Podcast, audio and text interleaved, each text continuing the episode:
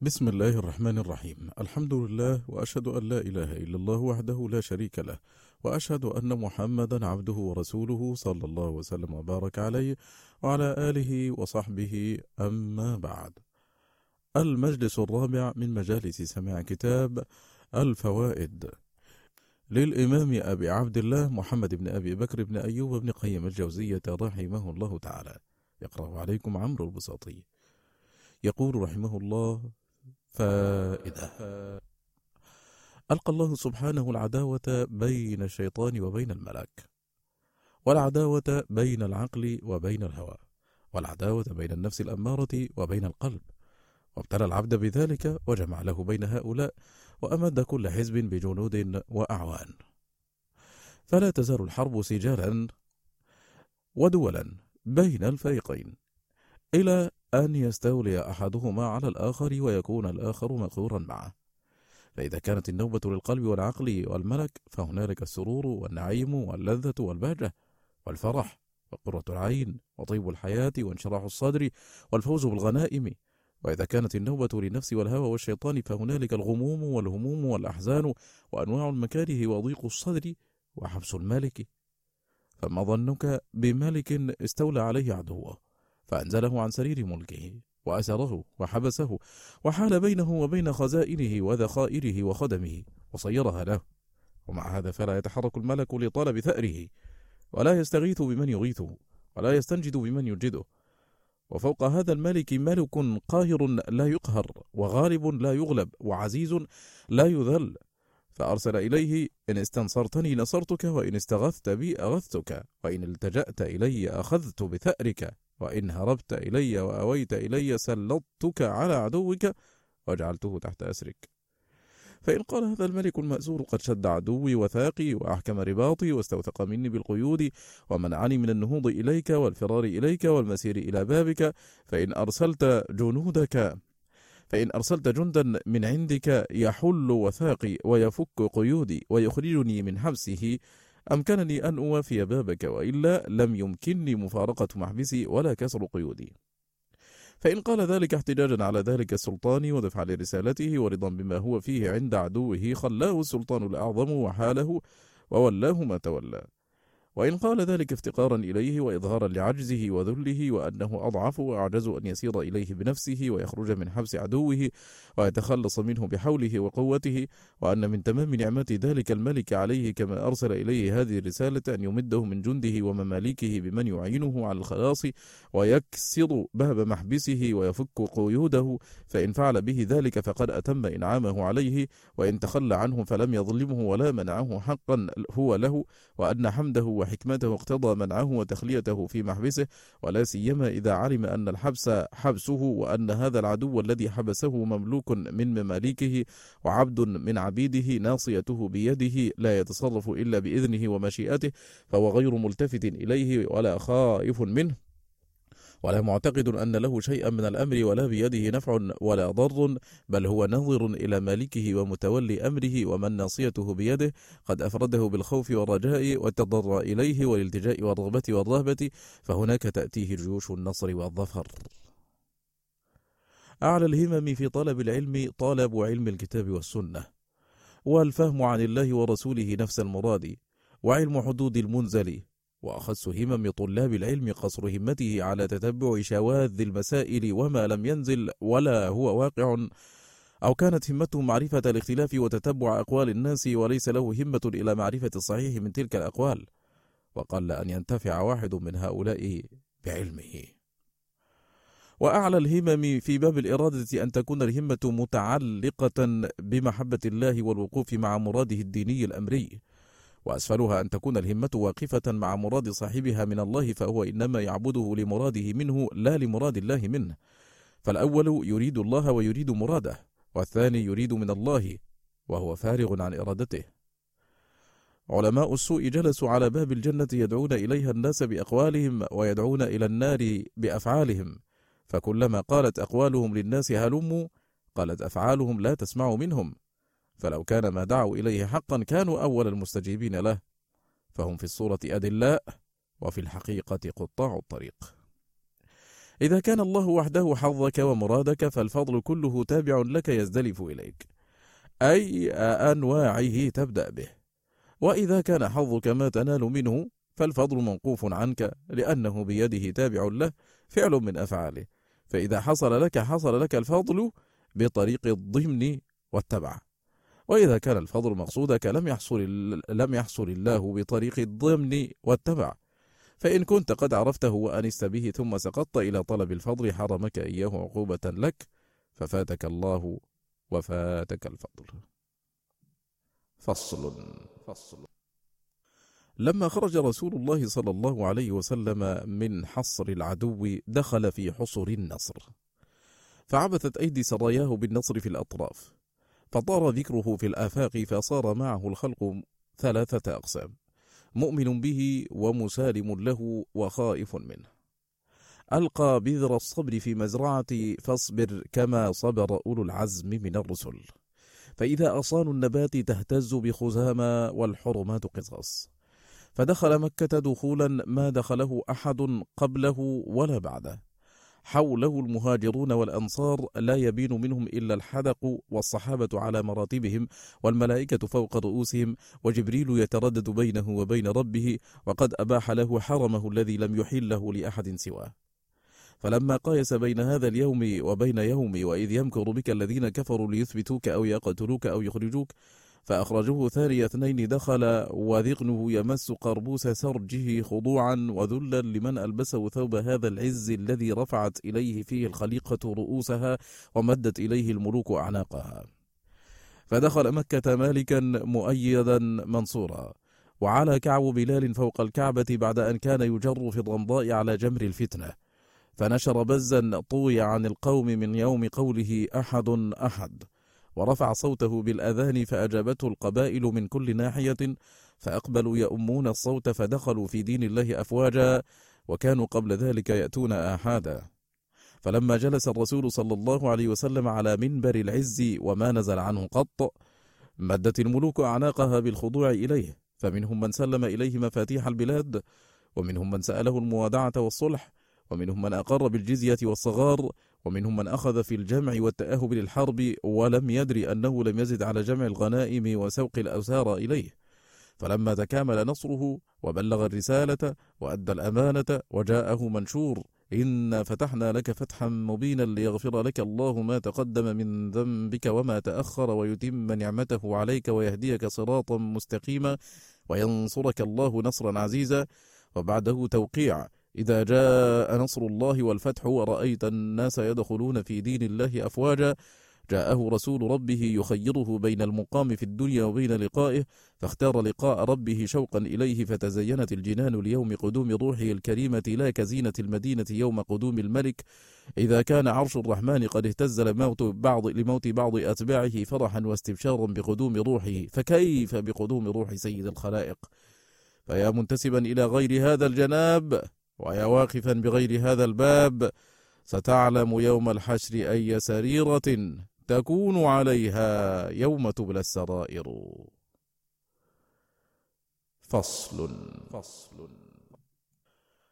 يا مغرورا بالأماني لعن إبليس وأهبط من منزل العز بترك سجدة واحدة أمر بها وأخرج آدم من الجنة بلقمة تناولها. وحجب القاتل عنها بعد أن رآها عيانا بملء كف من دم. وأمر بقتل الزاني أشنع القتلات بإيلاج قدر الأنملة فيما لا يحل. وأمر بإيساع الظهر سياطا بكلمة قذف أو بقطرة من مسكر. وأبان عضوا من أعضائك بثلاثة دراهم فلا تأمنه أن يحبسك في النار بمعصية واحدة من معاصيه ولا يخاف عقباها. دخلت امرأة النار في هرة. وإن الرجل لا يتكلم بالكلمة لا يلقي لها بالا يهوي بها في النار أبعد ما بين المشرق والمغرب. وإن الرجل لا يعمل بطاعة الله ستين سنة. فإذا كان عند الموت جار في الوصية فيختم له بسوء عمله فيدخل النار. العمر بآخره والعمل بخاتمته. من أحدث قبل السلام بطل ما مضى من صلاته ومن أفطر قبل غروب الشمس ذهب صيامه ضائعا ومن أساء في آخر عمره لقي ربه بذلك الوجه. لو قدمت لقمة وجدتها ولكن يؤذيك الشره. كم جاء الثواب يسعى إليك فوقف بالباب فرده بواب سوف ولعل وعسى. كيف الفلاح بين إيمان ناقص وأمل زائد ومرض لا طبيب له ولا عائد وهوى مستيقظ وعقل راقد ساهيا في غمرته عاميا في سكرته سابحا في لجة جهله مستوحشا من ربه مستأنسا بخلقه. ذكر الناس فاكهته وقوته وذكر الله حبسه وموته. لله منه جزء يسير من ظاهره وقلبه ويقينه لغيره. لا كان من لسواك فيه بقية يجد السبيل بها إليه العذال. فصل. فصل. كان أول المخلوقات القلم ليكتب المقادير قبل كونها. وجعل آدم آخر المخلوقات وفي ذلك حكم. إحداها تمهيد الدار قبل الساكن. الثانية أنه الغاية التي خلق لأجلها ما سواه من السماوات والأرض والشمس والقمر والبر والبحر. الثالثة أن أحدق الصناع يختم عمله بأحسنه وغايته كما يبدأه بأساسه ومبادئه الرابعة أن النفوس متطلعة إلى النهايات والأواخر دائما ولهذا قال موسى للسحرة أولا ألقوا ما أنتم ملقون. فلما رأى الناس فعلهم تطلعوا إلى ما يأتي بعده. الخامسة أن الله سبحانه أخر أفضل الكتب والأنبياء والأمم إلى آخر الزمان وجعل الآخرة خيرا من الأولى والنهايات أكمل من البدايات. فكم بين قول الملك للرسول اقرأ فيقول ما أنا بقارئ وبين قوله تعالى اليوم أكملت لكم دينكم. السادسة أنه سبحانه جمع ما فرقه في العالم في آدم فهو العالم الصغير وفيه ما في العالم الكبير. السابعة. أنه خلاصة الوجود وثمرته فناسب أن يكون خلقه بعد الموجودات. الثامنة أن هذا من كرامته على خالقه أنه هيأ له مصالحه وحوائجه وآلات معيشته وأسباب حياته فما رفع رأسه إلا وذلك كله حاضر عتيد. التاسعة أنه سبحانه أراد أن يظهر شرفه وفضله على سائر المخلوقات فقدمها عليه في الخلق. ولهذا قالت الملائكة ليخلق ربنا ما شاء فلن يخلق خلقا أكرم عليه منا. فلما خلق آدم وأمرهم بالسجود له ظهر فضله وشرفه عليهم بالعلم والمعرفة. فلما وقع في الذنب ظنت الملائكة أن ذلك الفضل قد نسخ. ولم تطلع على عبودية التوبة الكامنة فلما تاب إلى ربه وأتى بتلك العبودية علمت الملائكة أن لله في خلقه سرا لا يعلمه سواه. العاشرة أنه سبحانه لما افتتح خلق هذا العالم بالقلم كان من أحسن المناسبة أن يختمه بخلق الإنسان، فإن القلم آلة العلم، والإنسان هو العالم، ولهذا أظهر سبحانه فضل آدم على الملائكة بالعلم الذي خص به دونهم. وتأمل كيف كتب سبحانه عذر آدم قبل هبوطه إلى الأرض. ونبه الملائكة على فضله وشرفه ونوه باسمه قبل إيجاده بقوله إني جاعل في الأرض خليفة. وتأمل كيف وسمه بالخلافة. وتلك ولاية له قبل وجوده وأقام عذره قبل الهبوط بقوله في الأرض والمحب يقيم عذر المحبوب قبل جنايته. فلما صوره ألقاه على باب الجنة أربعين سنة لأن دأب المحب الوقوف على باب الحبيب أرمى به في طريق ذل لم يكن شيئا لئلا يعجب يوم أسجدوا وكان إبليس يمر على جسده فيعجب منه ويقول لأمر قد خلقت.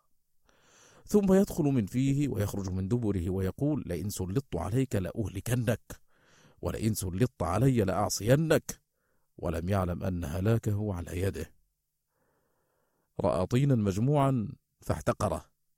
فلما صور الطين صورة دب فيه داء الحسد. فلما نفخ فيه الروح مات الحاسد. فلما بسط له بساط العز عرضت عليه المخلوقات. فاستحضر مدعي ونحن نسبح إلى حاكم أنبئوني وقد أخفى الوكيل عنه بينة وعلم فنكسوا رؤوس الدعاوى على صدور الإقرار فقام منادي التفضيل في أندية الملائكة ينادي أسجدوا فتطهروا من حدث دعوى ونحن بماء العذر في آنية لا علم لنا. فسجدوا على طهارة التسليم. وقام إبليس ناحية لم يسجد لأنه خبث وقد تلوث بنجاسة الاعتراض. وما كانت نجاسته تتلافى بالتطهير لأنها عينية. فلما تم كمال آدم قيل لا بد من خال جمال على وجه واسجدوا. فجرى القدر بالذنب ليتبين أثر العبودية في الذل. يا آدم لو عفي لك عن تلك اللقمة لقال الحاسدون كيف فضل ذو شره لم يصبر على شجرة.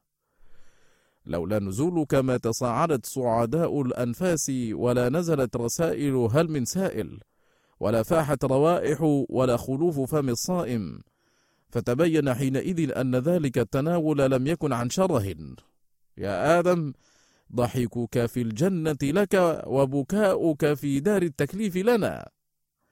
ما ضر من كسره عزي إذا جبره فضلي. إنما تليق خلعة العز ببدن الانكسار. أنا عند المنكسرة قلوبهم من أجلي ما زالت تلك الأكلة تعاده حتى استولى داؤه على أولاده. فأرسل إليهم اللطيف الخبير الدواء على أيدي أطباء الوجود.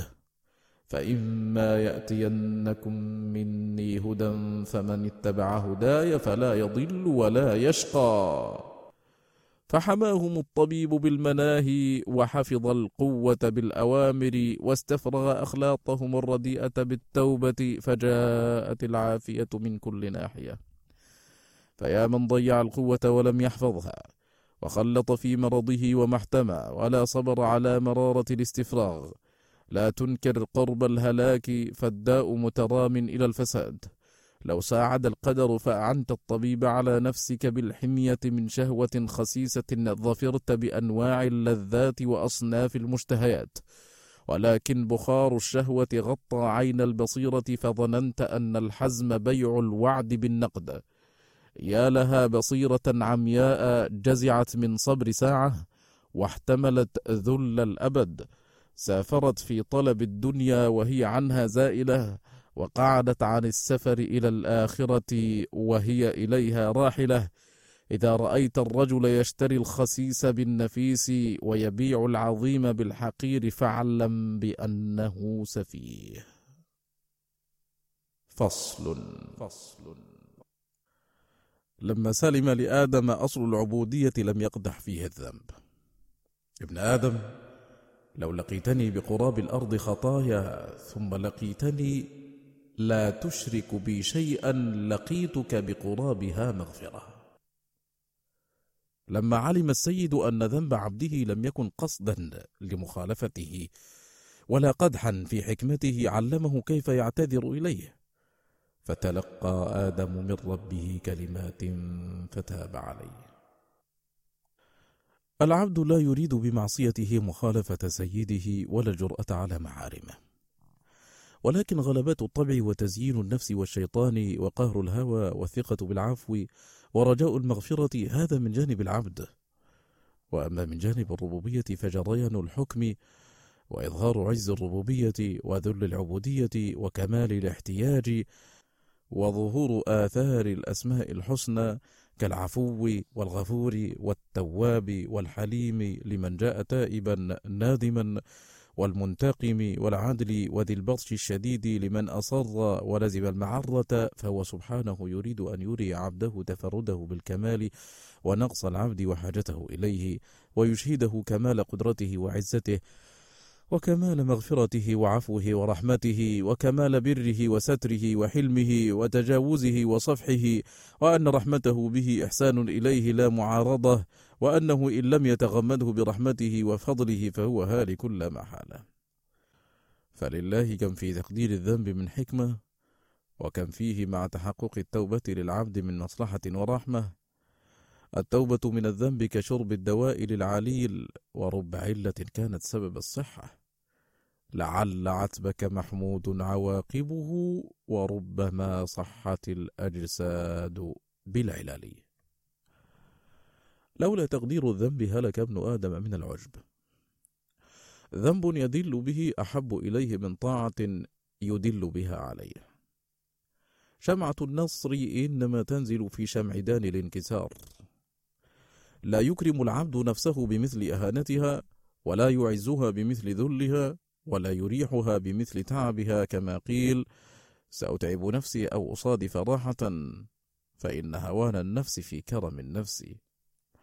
ولا يشبعها بمثل جوعها ولا يؤمنها بمثل خوفها ولا يؤنسها بمثل وحشتها من كل ما سوى فاطرها وبارئها ولا يحييها بمثل إماتتها كما قيل موت النفوس حياتها من شاء أن يحيا يموت شراب الهوى حلو ولكنه يورث الشرق.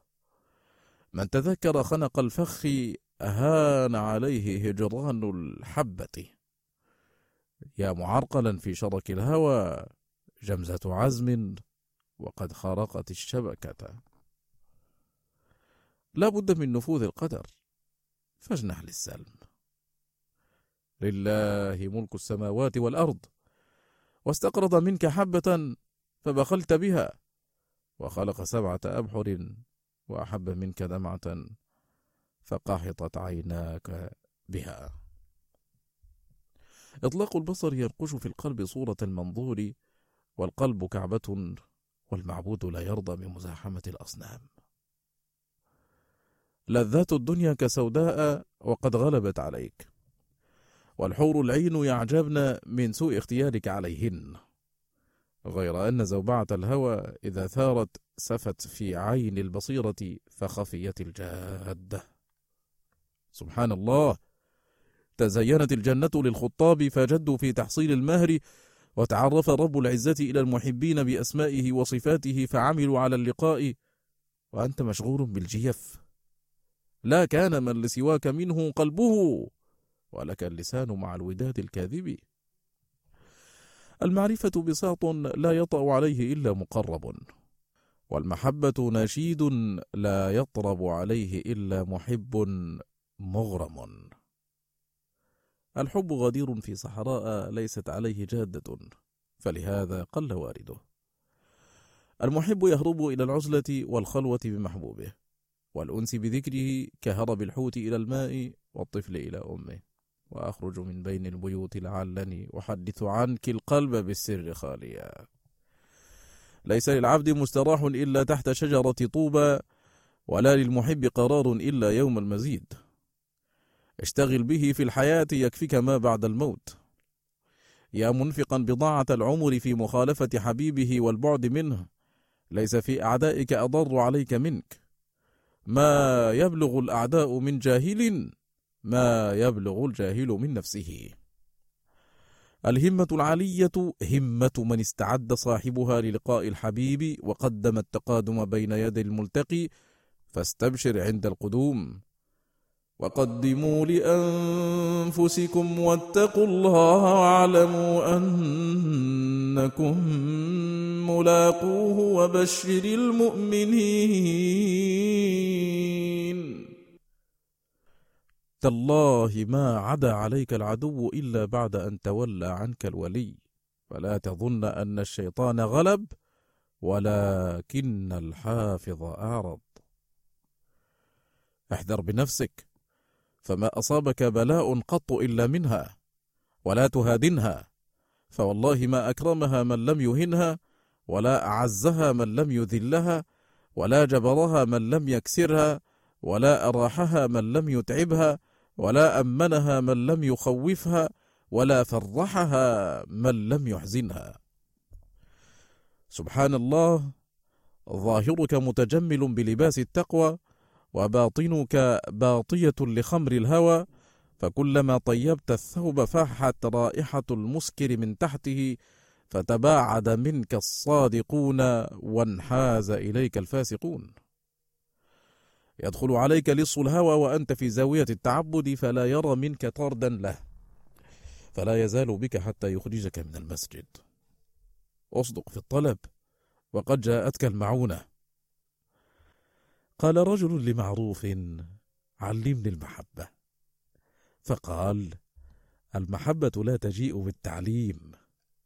هو الشوق مدلولا على مقتل الفتى إذا لم يعد صبا بلقيا حبيبه. ليس العجب من قوله يحبونه إنما العجب من قوله يحبهم. ليس العجب من فقير مسكين يحب محسنا إليه. إنما العجب من محسن يحب فقيرا مسكينا. فصل. فصل. القرآن كلام الله وقد تجلى الله فيه لعباده بصفاته. فتارة يتجلى في جلباب الهيبة والعظمة والجلال فتخضع الأعناق وتنكسر النفوس وتخشع الأصوات ويذوب الكبر كما يذوب الملح في الماء. وتارة يتجلى في صفات الجمال والكمال وهو كمال الأسماء وجمال الصفات وجمال الأفعال الدال على كمال الذات فيستنفذ حبه من قلب العبد قوة الحب كلها بحسب ما عرفه من صفات جماله ونعوت كماله. فيصبح فؤاد عبده فارغا إلا من محبته. فإذا أراد منه الغير أن يعلق تلك المحبة به أبى قلبه وأحشاؤه ذلك كل الإباء كما قيل يراد من القلب نسيانكم وتأبى الطباع على الناقل. فتبقى المحبة له طبعا لا تكلفا. وإذا تجلى بصفات الرحمة والبر واللطف والإحسان انبعثت قوة الرجاء من العبد وانبسط أمله وقوي طمعه وسار إلى ربه وحاد الرجاء يحدو ركاب سيره وكلما قوي الرجاء جد في العمل كما أن الباذر كلما قوي طمعه في المغل غلق أرضه بالبذر وإذا ضعف رجاؤه قصر في البذر وإذا تجلى بصفات العدل والانتقام والغضب والسخط والعقوبة انقمعت النفس الأمارة وبطلت أو ضعفت قواها من الشهوة والغضب واللهو واللعب والحرص على المحرمات وانقبضت أعنة رعوناتها فأحضرت المطية حظها من الخوف والخشية والحذر.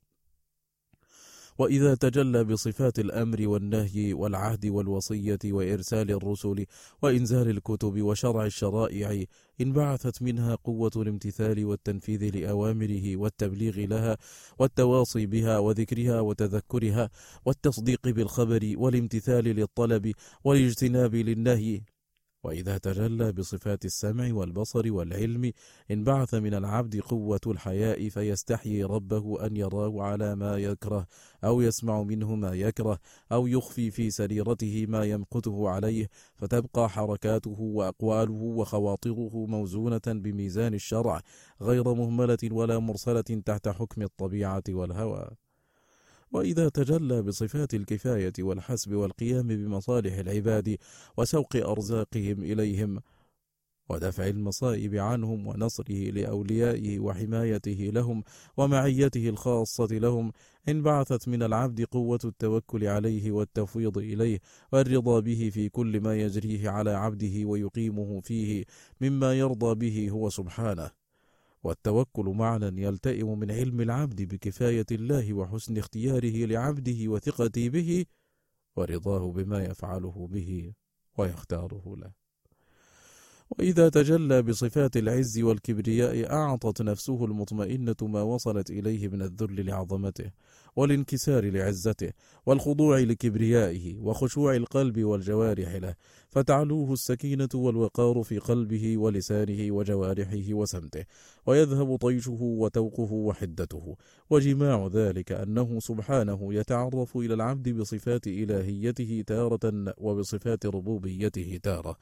فيوجب له شهود صفات الإلهية المحبة الخاصة والشوق إلى لقائه والأنس والفرح به والسرور بخدمته والمنافسة في قربه والتودد إليه بطاعته واللهج بذكره والفرار من الخلق إليه ويصير هو وحده همه دون ما سواه ويوجب له شهود صفات الربوبية التوكل عليه والافتقار إليه والاستعانة به والذل والخضوع والانكسار له وكمال ذلك أن يشهد ربوبيته في إلهيته وإلهيته إلهيته في ربوبيته وحمده في ملكه وعزه في عفوه وحكمته في قضائه وقدره ونعمته في بلائه وعطائه في منعه وبره ولطفه وإحسانه ورحمته في قيوميته وعدله في انتقامه وجوده وكرمه في مغفرته وستره وتجاوزه ويشهد حكمته ونعمته في أمره ونهيه وعزه في رضاه وغضبه وحلمه في إمهاله وكرمه في إقباله وغناه في إعراضه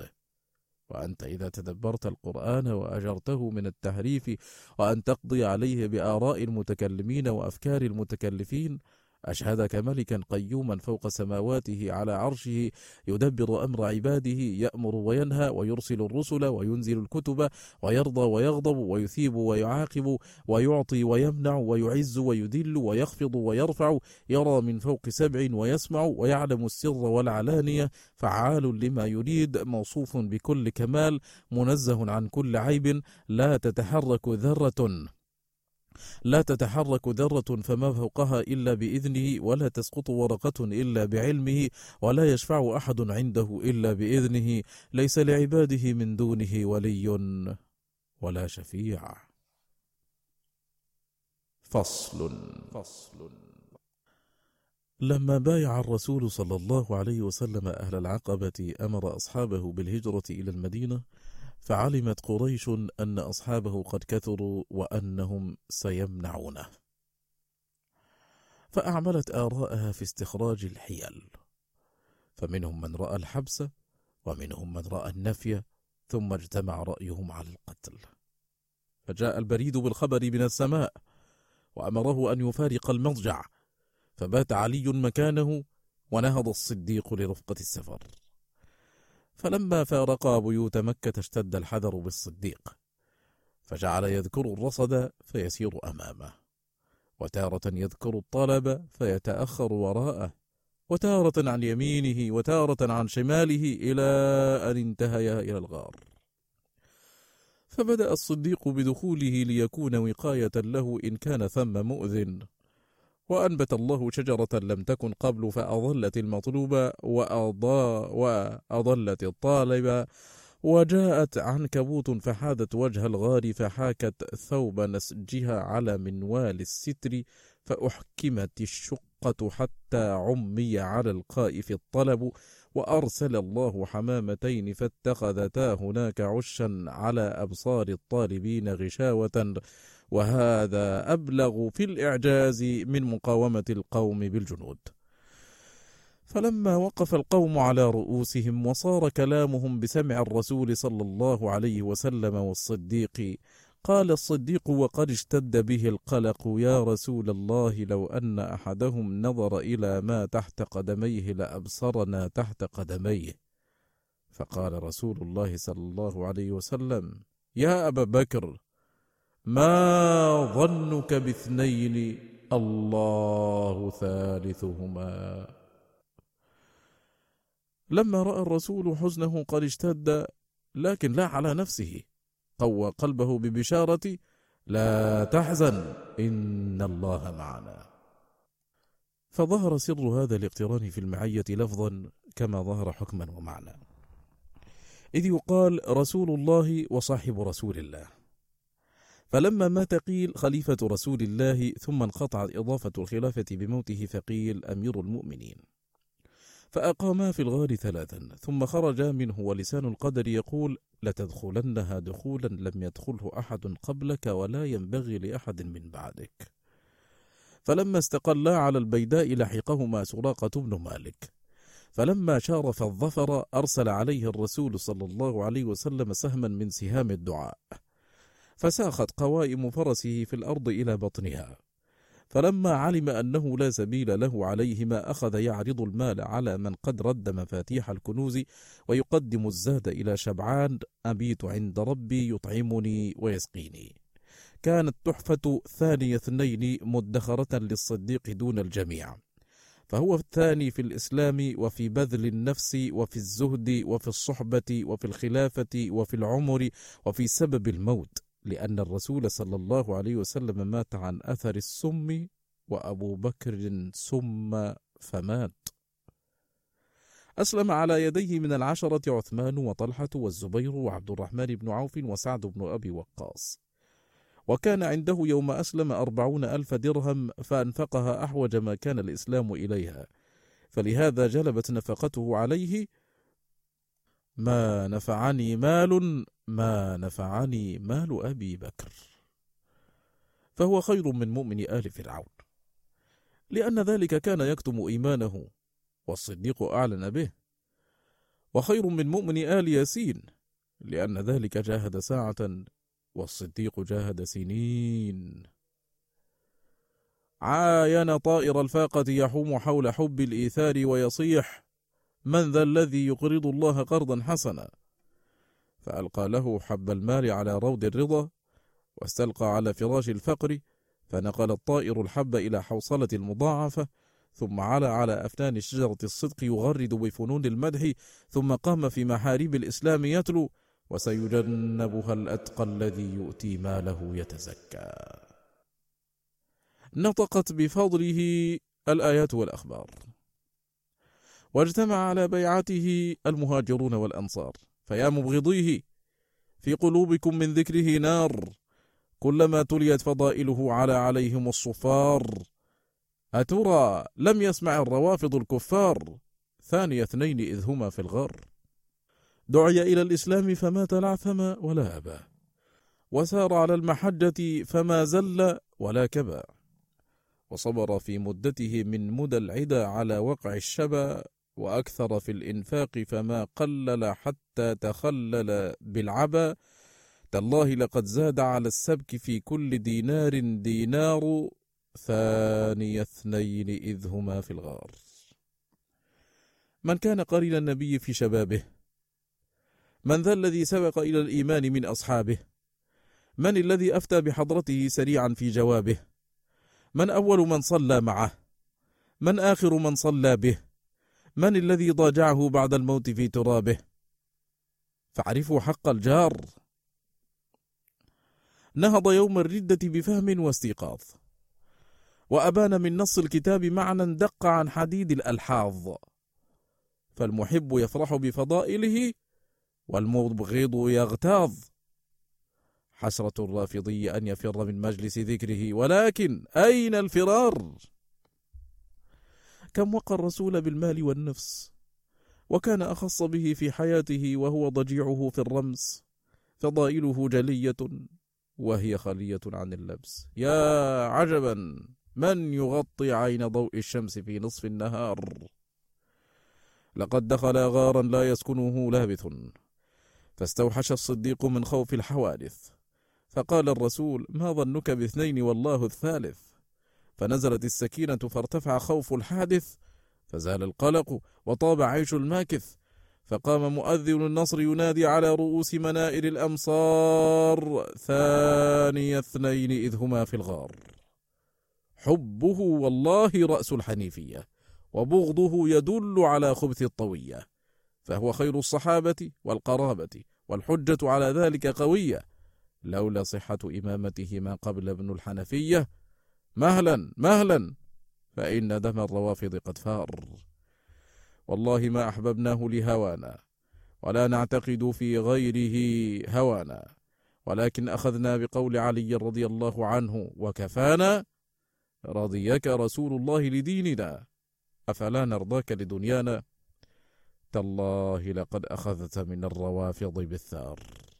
تالله لقد وجب حق الصديق علينا. فنحن نقضي بمدائحه ونقر بما نقربه من السني عينا. فمن كان رافضيا فلا يعد إلينا وليقل لي أعذار تنبيه. اجتنب من يعادي أهل الكتاب والسنة لئلا يعديك خسرانه. احترز من عدوين هلك بهما أكثر الخلق. صاد عن سبيل الله بشبهاته وزخرف قوله ومفتون بدنياه ورئاسته. من خلق فيه قوة واستعداد لشيء كانت لذته في استعمال تلك القوة فيه. فلذة من خلقت فيه قوة واستعداد للجماع استعمال قوته فيه. ولذة من خلقت فيه قوة الغضب والتوثب استعمال قوته الغضبية في متعلقها. ومن خلقت فيه قوة الأكل والشرب فلذته باستعمال قوته فيهما. ومن خلقت فيه قوة العلم والمعرفة فلذته باستعمال قوته وصرفها إلى العلم. ومن خلقت فيه قوة الحب لله والإنابة إليه والعقوف بالقلب عليه والشوق إليه والأنس به فلذته ونعيمه استعمال هذه القوة في ذلك. وسائر اللذات دون هذه اللذة مضمحلة فانية وأحمد العاقبة أن تكون لا له ولا عليه. تنبيه, تنبيه يا أيها الأعزل احذر فراسة المتقي فإنه يرى عورة عملك من وراء ستر. اتقوا فراسة المؤمن. سبحان الله في النفس كبر إبليس وحسد قابيل وعتو عاد وطغيان ثمود وجرأة النمرود واستطالة فرعون وبغي قارون وقحة هامان وهوى بلعام وحيل أصحاب السبت وتمرد الوليد وجهل أبي جهل. وفيها من أخلاق البهائم حرص الغراب وشره الكلب ورعونة الطاووس ودناءة الجعل وعقوق الضب وحقد الجمل ووثوب الفهد وصولة الأسد وفسق الفأرة وخبث الحية وعبث القرد وجمع النملة ومكر الثعلب وخفة الفراش ونوم الضبع غير أن الرياضة والمجاهدة تذهب ذلك. فمن استرسل مع طبعه فهو من هذا الجند ولا تصلح سلعته لعقد. إن الله اشترى من المؤمنين أنفسهم. فما اشترى إلا سلعة هذبها الإيمان. فخرجت من طبعها إلى بلد سكانه التائبون العابدون. سلم المبيع قبل أن يتلف في يدك فلا يقبله المشتري. قد علم المشتري بعيب السلعة قبل أن يشتريها فسلمها ولك الأمان من الرد. قدر السلعة يعرف بقدر مشتريها والثمن المبذول فيها والمنادي عليها. فإذا كان المشتري عظيما والثمن خطيرا والمنادي جليلا كانت السلعة نفيسة. يا بائعا نفسه بيع الهوان لو استرجعت ذا البيع قبل الفوت لم تخبي وبائعا طيب عيش ما له خطر بطيف عيش من الآلام منتهب. غبنت والله غبنا فاحشا ولدا يوم التغابن تلقى غاية الحرب. وواردا صفو عيش كله كدر أمامك الورد حقا ليس بالكذب. وحاطب الليل في الظلماء منتصبا لكل داهية تدني من العطب. ترجو الشفاء بأحداق بها مرض فهل سمعت ببرء جاء من عطب؟ ومفنيا نفسه في إثر أقبحهم وصفا للطخ جمال فيه مستلب وواهبا نفسه من مثل ذا سفها لو كنت تعرف قدر النفس لم تهب. شاب الصبا والتصابي بعد لم يشب وضاع وقتك بين اللهو واللعب. وشمس عمرك قد حان الغروب لها والفيء في الأفق الشرقي لم يغب. وفاز بالوصل من قد جد وانقشعت عن أفقه ظلمات الليل والسحب. كم ذا التخلف والدنيا قد ارتحلت ورسل ربك قد وافتك في الطلب. ما في الديار وقد سارت ركائب من تهواه للصب من شكر ولا أراب. فأفرش الخد ذياك التراب وقل ما قاله صاحب الأشواق والحقب. ما ربع من يتمحفوفا يطيف به. غيلان أشهى له من ربعك الخريب. منازلا كان يهواها ويألفها أيام كان منال الوصل عن كثب. ولا الخدود ولو أدمين من ضرج أشهى إلى ناظري من ربعك الخرب وكلما جليت تلك الربوع له يهوي إليها هوي الماء في الصبب. أحيا له الشوق تذكار العهود بها فلو دعا القلب للسلوان لم يجب. هذا وكم منزل في الأرض يألفه. وما له في سواها الدهر من رغب ما في الخيام أخو وجد يريحك إن بثثته بعض شأن الحب فاغتربي وأسر في غمرات الليل مهتديا بنفحة الطيب لا بالعود والحطب وعاد كل أخي جبن ومعجزة وحارب النفس لا تلقيك في الحرب وخذ لنفسك نورا تستضيء به يوم اقتسام الورى الأنوار بالرتب. غيره إن كان يوجب ضري رحمتي فرضا بسوء حالي وحل للضنا بدني منحتك الروح لا أبغي بها ثمنا إلا رضاك. ووافقري إلى الثمن. غيره أحن بأطراف النهار صبابة وبالليل يدعوني الهوى فأجيب. غيره وإذا لم يكن من العشق بد فمن العجز عشق غير الجميل. غيره فلو أن ما أسعى لعيش معجل كفالي منه بعض ما أنا فيه. ولكنما أسعى لملك مخلد فوا أسفا إن لم أكن بملاقيه. يا من هو من أرباب الخبرة؟ هل عرفت قيمة نفسك؟ إنما خلقت الأكوان كلها لك. يا من غذي بلبان البر وقلب بأيدي الألطاف. كل الأشياء شجرة وأنت الثمرة وصورة وأنت المعنى. وصدف وأنت الدر ومخيض وأنت الزبد. منشور اختيارنا لك واضح الخط ولكن استخراجك ضعيف. متى رمت طلبي فاطلبني عندك. واطلبني منك تجدني قريبا ولا تطلبني من غيرك فأنا أقرب إليك منه. لو عرفت قدر نفسك عندنا ما أهنتها بالمعاصي إنما أبعدنا إبليس إذ لم يسجد لك وأنت في صلب أبيك. فهو عجبا كيف صالحته وتركتنا؟ لو كان في قلبك محبة لبان أثرها على جسدك. ولما ادعيت الحب قالت كذبتني ألست أرى الأعضاء منك كواسيا لو تغذى القلب بالمحبة لذهبت عنه بطنة الشهوات. ولو كنت عذري الصبابة لم تكن بطينا وأنساك الهوى كثرة الأكل. لو صحت محبتك لاستوحشت ممن لا يذكرك بالحبيب.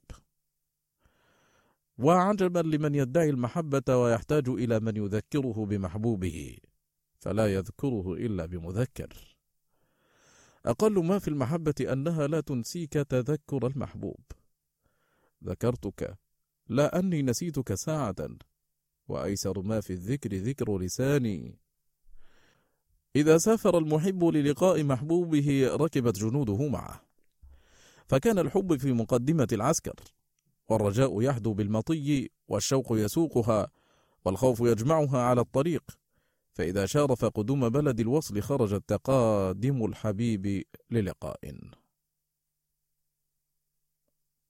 فداوي سقما بجسم أنت متلفه وابرد غراما بقلب أنت مظلمه. ولا تكلني على بعد الديار إلى صبر الضعيف فصبري أنت تعلمه. تلقى قلبي فقد أرسلته عاجلا إلى لقائك والأشواق تقدمه. فإذا دخل على الحبيب أفيضت عليه الخلع من كل ناحية ليمتحن. أيسكن إليها فتكون حظه؟ أم يكون التفاته إلى من ألبسه إياها؟